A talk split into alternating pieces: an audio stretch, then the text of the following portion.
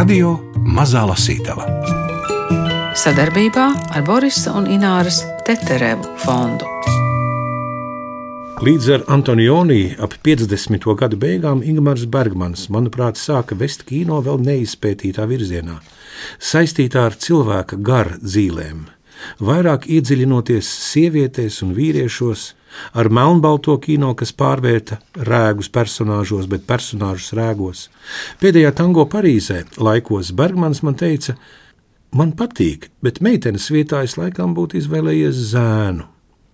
Es viņam atbildēju, ka tā ir brīnišķīga ideja, bet runā vairāk par viņu. Kad es ar viņu iepazinos Berlīnē, Eiropas Kinoakadēmijas fonda pasākumā, viņš bija Kinoakadēmijas prezidents. Man šķita, ka viņš ir skaistākais cilvēks, režisors, ko es jebkad esmu saticis un ko jebkad savā dzīvē satikšu. Toreiz es viņam uzrakstīju zīmīti: Neesiet cietsirdīgs, dodiet mums vēl kādu filmu. Un viņš atbildēja, Kino mani nogalinās, bet tev jāturpina cīnīties. Es šo zīmīti glabāju kā relikviju. Pirms dažiem gadiem Bergmans mums deva sarabandu. Viņš bija devies vēl dziļāk ar milzu godbijību pret saviem rēgiem. Starp tiem bija arī kino, viņa īstais slepkava, kuru viņš piesauca un kuram piedeva. Turpinot rakstošo režisoru grāmatu tulkošanu un izdošanu, Felīnī, Budijam Alenam un Pazolīnī seko Bernardo Bertalucci esejas Mana brīnišķīgā apsēstība. Tulkojusi Līva Trekteri izdevis Aminorī. Savukārt grāmatas priekšvārdu vietā kino režisora Dāvi Sīmaņa intervija ar Bertalucci Romā 2018. gadā. Dāvim Sīmanim arī jautājums par bezgalīgu nejaušību virkni, kuras rezultātā tapa šī intervija, un šeit tā piedzīvojusi pirmu publicējumu. Tā ir nejaušība virkne. Mēs pirms vairākiem gadiem, tātad 2018. gadā, gatavojām filmu par Rosalīnu ģimeni, un uh, es biju viens no šīs filmas scenārija autoriem, kopā ar Ulu Cekulu pārstāvot uh, vidus filmu studiju. Mēs bijām Romā, lai tiktos ar saviem Romas producentiem jā, jā, un Rosalīnī ģimeni. Pēkšņi vienu rītu Uldis man saka, ka, ka mums ir jādodas uz tikšanos ar Bertolucci. Un tā tikšanās ir pēc divām stundām, un lai es ātri izdomāju kaut kādus jautājumus, par ko runāt. Un tas bija saistībā ar to, ka Arī jau pirms vairākiem gadiem tapu filma Laika tilti par poetisko kino Latvijā. Ulds bija izdomājis, ka Bernardo Bertolucci varētu, ņemot vērā, ka viņam ir saistība ar projektu, kas saucās par uh, desmit minūtēm vecāks. Uh, saistībā ar Hertz Franka filmu, tad atbilstoši, ka viņš varētu būt tā tāds neliels mārketinga triks, viņu iefilmēt. Saruna patiesībā bija pilnīgi savādāka, un, un tas materiāls tā arī nekur neparādījās. Un tagad, kad iznāca šī grāmata, tā likās tāda unikāla iespēja to sarunu, kas patiešām iespējams bija viena no pašām, pašām pēdējām sarunām Bertoločī dzīvē. Viņu publicēt. Un tad, nu, tad nu, es tiku aicināts uzrakstīt šo priekšvārdu. Tā vietā, lai uzrakstītu priekšvārdu, es uz, vienkārši atšifrēju šo interviju un mazliet, mazliet tādus ievadvārdus, lai iedot lasītājiem kontekstu. Viņu tiešām bija iedvesmojusi Herca Franka filma. Tā situācija bija tāda, ka tas bija tāds liels projekts, kur Herca Franka filma tika ņemta par pamatu.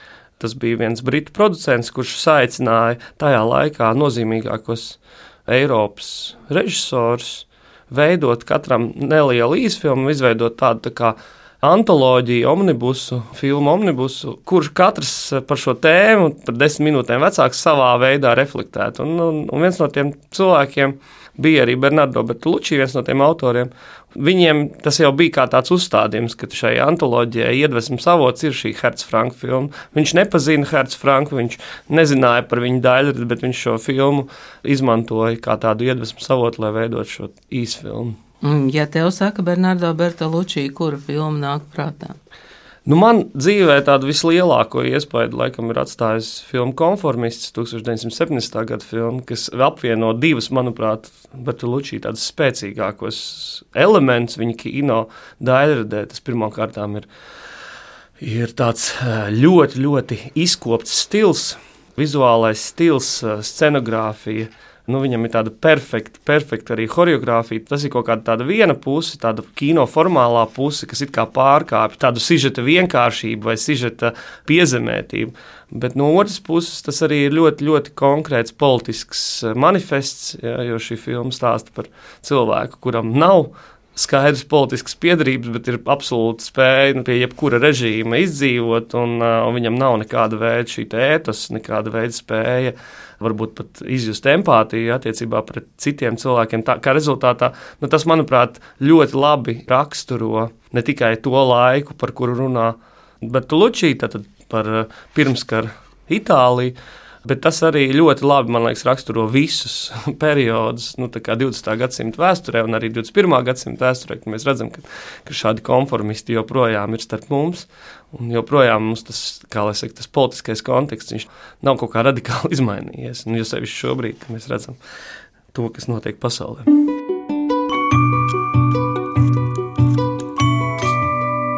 Tātad Dāvis Sīmenis par sev svarīgāko itāļu režisoru Bernardo Bertolucci filmu atzīst konformistu, bet daudziem citiem arī mūsdienās iedvesmas un brīvības avots ir bijusi viņa filma Sapņotāji. Starp preses izgriezumiem no Venecijas kinofestivāla redzu fotografiju ar sevi un savilktu dūri neticamā vietā uz Hotel Excelsior laipas.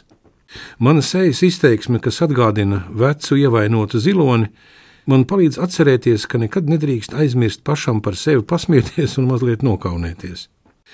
Natālija Aspēzija man smalki un aši apjautājas, vai savilktā dūri nozīmē nostalģiju. Es saku, jā, iespējams, nostalģiju pēc veca, nekad nemesta izaicinājuma. Apkārt sajūtu lielu apjukumu un redzu sardoniskus smaidus. Kas notiek, kas tās par blēņām saistībā ar vārdu nostalģija?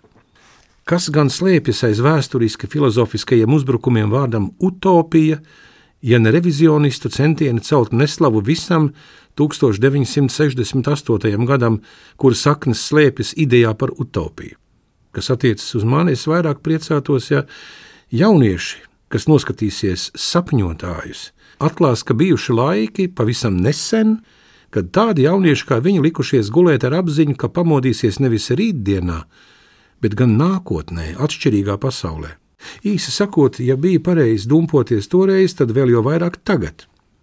Es sev jautāju, vai New Global vismaz nedaudz spējas atpazīt sevi manis teiktajā. Daudz skaidrāk par mani laikrakstā manifesto izsakās Īda Dominiģanni, kas kuģo starp filmas idejām un materiāliem tos pārstrādājot, godīgi atkārtoja viņas teikto pa vārdam. Sapņotājos nav revolucionāra projekta, strādnieku vai studentu vienotības, internacionālisma pret kapitālu. Filmā redzams rītausmas brīdis, kad viss vēl priekšā, un dižāks, utopisks iedomu dzinulis visu padara iespējamu, iedomājamu, paveicamu. Ķermenis, politika, kino, mūzika, seksualitāte, filozofija - tas viss veidoja brīnumaino uzliesmojumu kas gan sabiedrisko, gan privāto dzīvi sagatavoja 1968. gada sprādzienam. Erotiskas alkas, zināšanu alkas, vienotas eksistences alkas, personiskais un politiskais, kas neatraujami saistīti ar sapni par revolūciju it visā Izņemot izgāšanos, uzsver Bertalučī ar savu paudzi, kam neizdodas atjaunot bērnu un mazbērnu brīnumaino uzliesmojumu, no šī brīža vairs nekas nav kā iepriekš. Mūsdienās neeksistē tiesības, kuru aizstāvēšanas iemesls neslēpjas brīvībā, ko mēs ieguvām toreiz, kad mums neviens to nedeva. Sapņotājos kāsītis parādās tikai filmas otrajā pusē, vannas epizodē. Līdz tam brīdim Izabela un Teo, tāpat kā Žana Kokto, Enfant terrible, Elizabete un Pols, ir reibumā bez narkotikām. Narkotikas pastāvēja kopš dzimšanas Elizabete un Pols šo paskaino vielu nesāja sev līdz asinīs. Kokto arī teicis, ka briesmīgajos bērnos viņš centies padarīt smagumu vieglu un vieglumu smagu. Kāds nesen atcerējās, ka Es dejoju viena, laikos es izziņoju kādu 1903. cēlienu, kas apraksta otro gadsimtu pusi. Filmas darbība notiek gan Berklī, gan Romā, gan Parīzē, un notikumi risinās starp 1968 un 1998 gadu. Īslaicīgs reibums un paudžu konflikts. Vakardienas bērni bija kļuvuši par šodienas bērnu vecākiem. Tad es uzdūros svētajiem nevainīgajiem, Gilberta Adēra grāmatai, kurā es sastapu tā laika neatkārtojamo garšu. Maijā es Romā filmēju partneri, un Piers Klimantī katru nedēļas nogali skrēja uz Parīzi un pirmdienas rītā atgriezās filmēšanas laukumā ar jaunākajiem latīņu kvartāla barikādēs izgudrotajiem lozungiem: Aizliegts, aizliegt, iztēles spēks, zem asfalta ir pludmale un tā tālāk. Ar smagumu un vieglumu Adēra romāns no jauna aplūkoja Kokto romānu 1968. gada pavasarī, kas man šķita maģiski savīts ar 1945. gada pavasari. Arī utopijām rotāta, ar ko noslēdzās 1900. Te mēs esam sasnieguši to, ko vēlējāmies. Es adresēju šo iedomu vēstuli arī savam draugam Žanam Klodam Bjetam, franču kinokritiķim un režisoram, kas mūs negaidīti pameta pagājušajā jūnijā, dažas dienas pirms sākās lielais karstums. Debesis nespēja nogaidīt.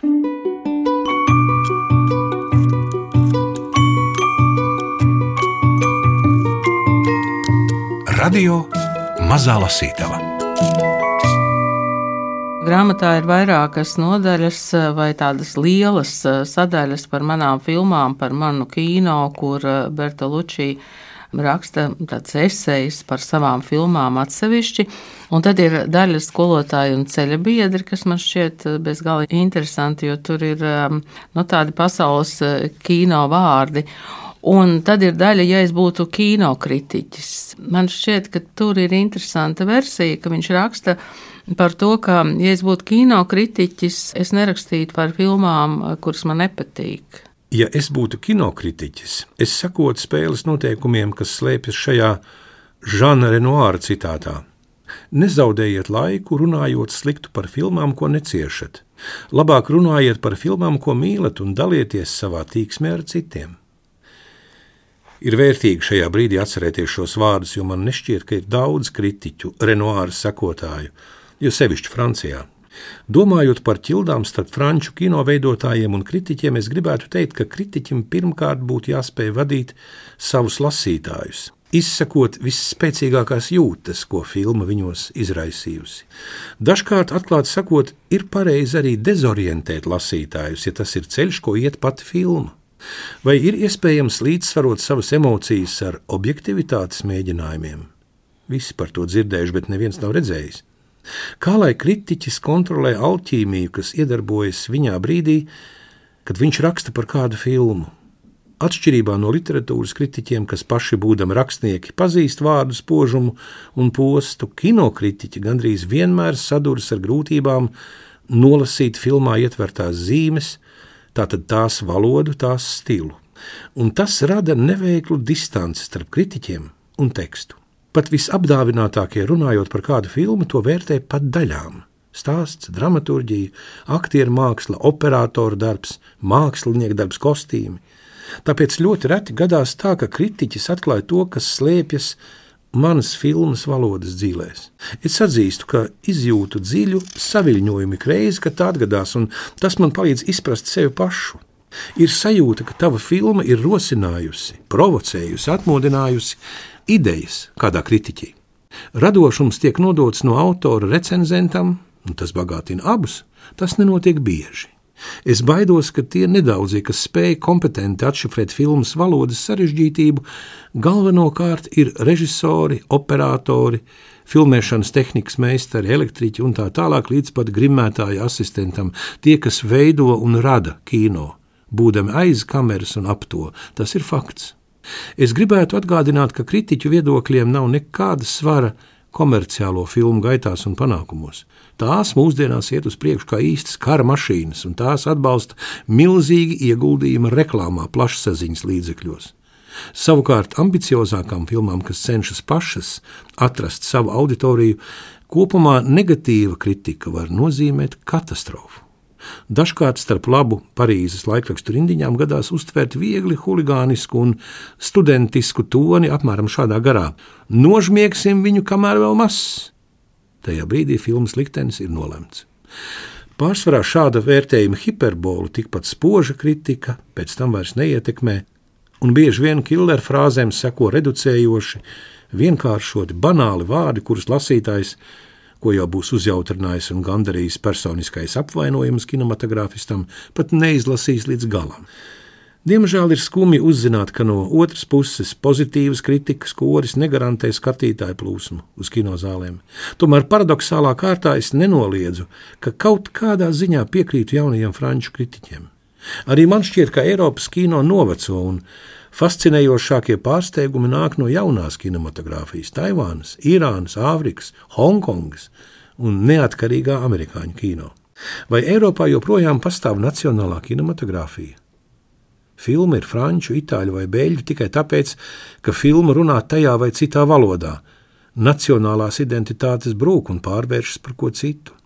Lielā mutācija ir neatgriežama, un kinematogrāfam ir jāpieņem, kā tas vienmēr noticis pagātnē, ka jāsāk baroties no šīm radikālajām pārmaiņām, sākot ar jaunām tehnoloģijām. Varbūt dažu jauno kritiķu vulgārā, drīzāk policistiem piedienīgā valoda galvenokārt ir šīs pārējas radītā diskomforta izpausme. Ļausim viņiem augt, atklāt prieku, par kuru runā Renoārs.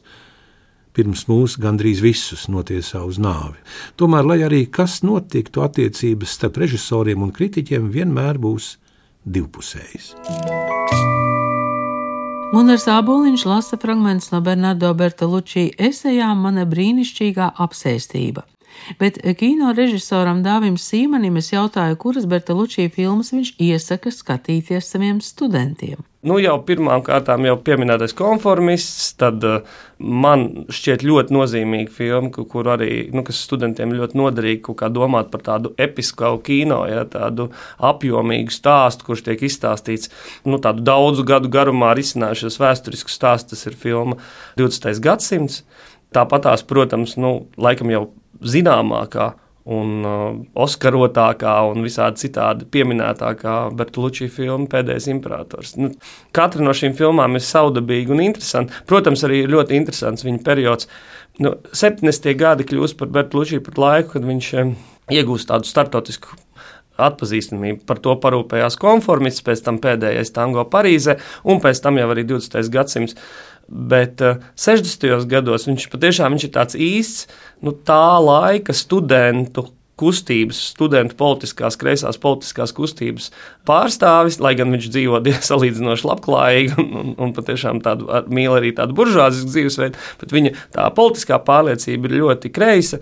Kā rezultātā arī šī 60. gadu perioda filmas, ar kurām viņš debitē, un ļoti agrā vecumā, 21 gadu vecumā, viņš veidoja savu pirmo filmu, tad atbilstoši arī tās filmas, tāda kā, piemēram, filma pirms revolūcijas, ļoti interesants darbs, arī tur ir kur skatīties.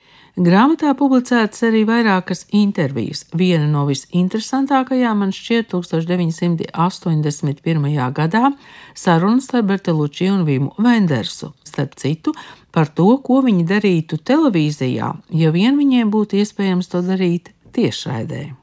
Bertoluči, ja man kādreiz nāktos pāriet pie televīzijas, ar to es domāju televīzijai domātu kino, kas necieš no kino spiediena, jo bieži vien televīzijā strādā cerībās vīlušies kino veidotāji, kam nav iespējas uzņemt filmas. Es gribētu nodarboties ar televīzijas tiešraidēm, kuras uzskatu par televīzijas specifiku, šarmu un spēku. Piemēram, man ļoti patīk tas, ko Francijā sauc par feuilleton, Brazīlijā par telenovela, bet Amerikā par seriāla vai soap operā. Man patiktu veidot ziepju operas tiešajā ēterā ar ģimenē balstītu formulu, ar personāžiem un to, kas ar viņiem notiek dienas laikā, filmēt vakarā un tajā pašā laikā to pārraidīt ēterā. Manuprāt, būtu interesanti tāda programma, kas ir pilnīgi pakārtota dienas laikā vai vēl nesenāk pēdējo stundu laikā, tiešraides brīdī notikušajam. Šādā gadījumā televīzija kā mēdījis mani interesē. Es tikko satiku Francisku Kopolu un mēs runājām un nedaudz apspriedām elektroniku. Viņš ir kā apsēsts ar elektroniku, pilnīgi uzburts. Es savukārt joprojām esmu vecs, piekalts fiziskajai filmai, ar ko turpina uzturēt fiziskas attiecības. Montāžists, piemēram, strādā ar rokām kā amatnieks. Lai strādātu ar elektroniku, vajadzīgs citāds montāžists, jo rokas vairs neaiztiek neko citu kā tikai pogas. Un tur es nepiekrītu Francisam. Kopola joprojām ir liels biznesmenis, izcils menedžeris. pilsonis Keins, kas izmisīgi cenšas atrast sevī Orsonu Velles. Viņam nepieciešams izplesties cik vien iespējams, un elektronika viņam noteikti dos iespēju, vismaz teorētiski, kā viņš pats man teica, vienlaikus parādīt filmu visā pasaulē. Tas ir patiesi interesanti, un es spēju saprast, cik daudz tas mums varētu dot, bet arī šajā gadījumā paliek jautājums, ko darīt ar elektroniku. Ja to pajautāsim Francisam Kopalam, viņš neatbildēs. Joprojām tas pats jautājums, ko darīt tālāk, kad būs pārņemtas lielās studijas. Jāmainās, es domāju, jāizveido kas jauns.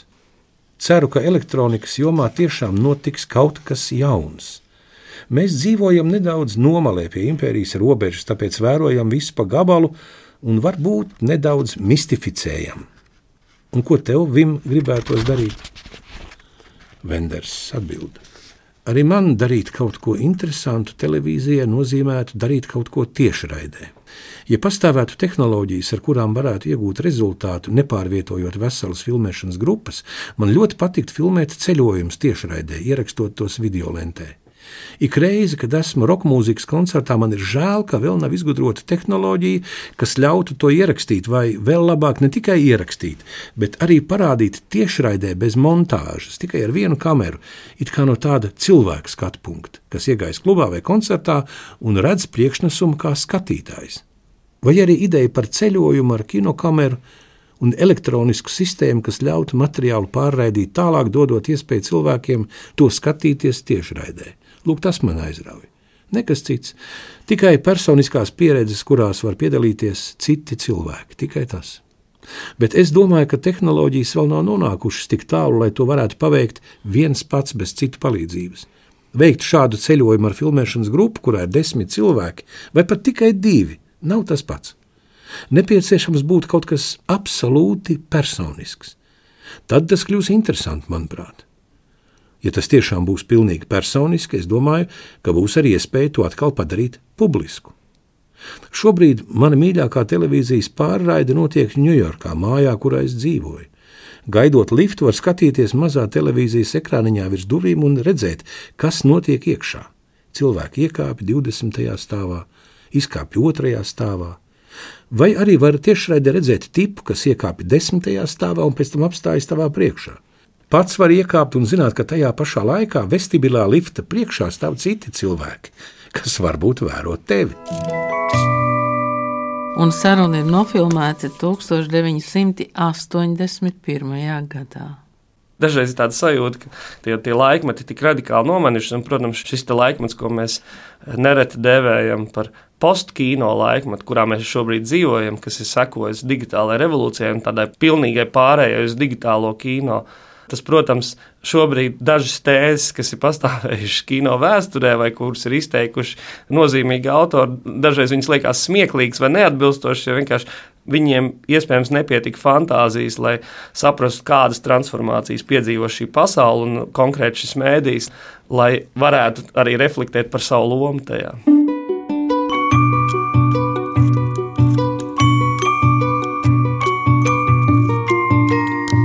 Radio Mazā Lasītava. Tūkotāja Līva Trektere turpina tūkot no itāļu valodas rakstošos režisorus. Šoreiz tas ir Bernardo Bertolucci. Līva tūkojot pārskatījusi ne tikai Bertolucci filmas, bet arī tās filmas, kuras Bertolucci piemina. Pirmais tulkojums bija Federico Fellini, Pēc tam nāca Budijs Alens, kas bija atkāpa no itāļiem. Pagājušajā gadā iznāca Pjēra Paula Pazlīnī tulkojums. Un uh, Berta Lučī vienkārši bija tāds nākamais loģiskais solis, ar ko iepazīstināt latviešu lasītājus. Kāda jums šķita Berta Lučī valoda? Itāliski. Ļoti saprotama un pateicīga tulkotājam. Ja Piemēram, pagājušā grāmata, ko tulkoju, bija Pazolīnī romāns Ielas zēni, un uh, tur bija sastopami daudzi dažādi dialekti un akcenti, tad Berta Luči runāja ļoti salīdzinoši vienkāršākā itāļu valodā, bet, manuprāt, tas arī nāk no tā, ka viņš arī intervijās ir daudz minējis, kad uh, uzsākot savas režisora gaitas, viņš uh, vairāk identificējās ar franču kino un uh, vēlējās bieži vien runāt franču mēlē. Arī daudzas viņa filmas ir angļu valodā, un līdz ar to, manuprāt, tā viņa valoda jau no paša sākuma bija tāda starptautiskāka, jo viņš varbūt neredzēja sevi tik uh, ierobežoti kā tikai itāļu režisoru, bet kā tādu Eiropas pasaules režisoru. Un tas arī ļoti ietekmē viņa valodu rakstīšanas stilu. Arī domāju, ka lasītājiem, lasot grāmatu, būs ļoti interesanti pārskatīt uh, filmas, jo viņš tiešām daudz runā par savām filmām. Bet kas bija vēl interesantāk šajā grāmatā, ka nācās pārskatīt ne tikai Berta Lučija filmas, bet arī daudz citas klasikas, kuras viņš piemina grāmatā. Bernardo Bertolucci esejas Mana brīnišķīgā apsēstība no itāļu valodas tulkojusi Līva Trektere izdeva Saminori. Grāmatas priekšvārdu vietā Dāvis Sīmaņa saruna ar Bernardo Bertolucci. Fragments lasīja Gunārs Sāboliņš.